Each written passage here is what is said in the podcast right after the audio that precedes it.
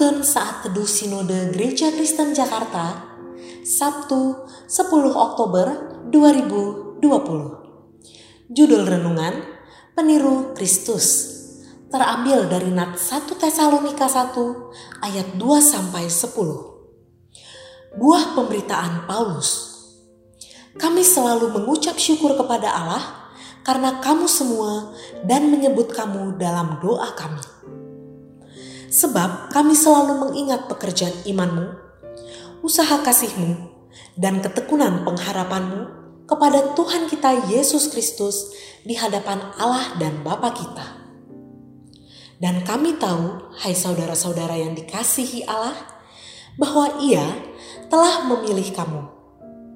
Sebab Injil yang kami beritakan bukan disampaikan kepada kamu dengan kata-kata saja, tetapi juga dengan kekuatan oleh Roh Kudus dan dengan suatu kepastian yang kokoh.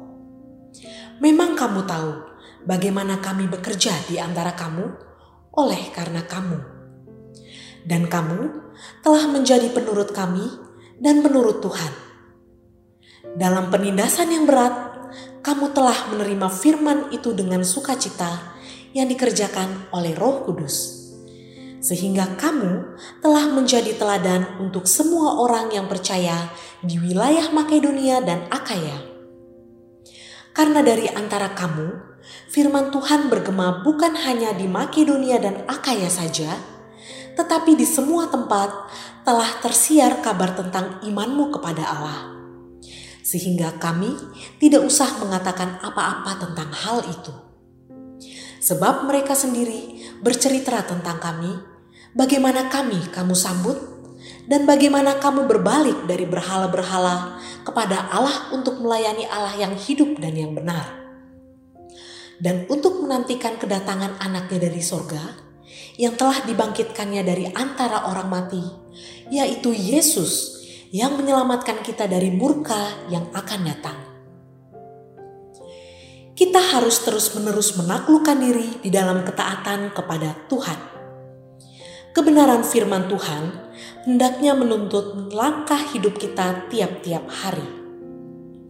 Jika kita tidak takluk kepada Tuhan dan firman-Nya, maka dunia dan nilai-nilai di dalamnya yang akan menaklukkan kita. Paulus dan Silas terpaksa meninggalkan kota Tesalonika karena serangan dari kekaisaran Romawi yang berkuasa Hal ini menyedihkan hati mereka sebab mereka sangat mengasihi jemaat di sana. Dalam perlindungan Tuhan, jemaat di Tesalonika terus bertumbuh sekalipun senantiasa berada di bawah bayang-bayang ancaman, hukuman, penderitaan, bahkan kematian.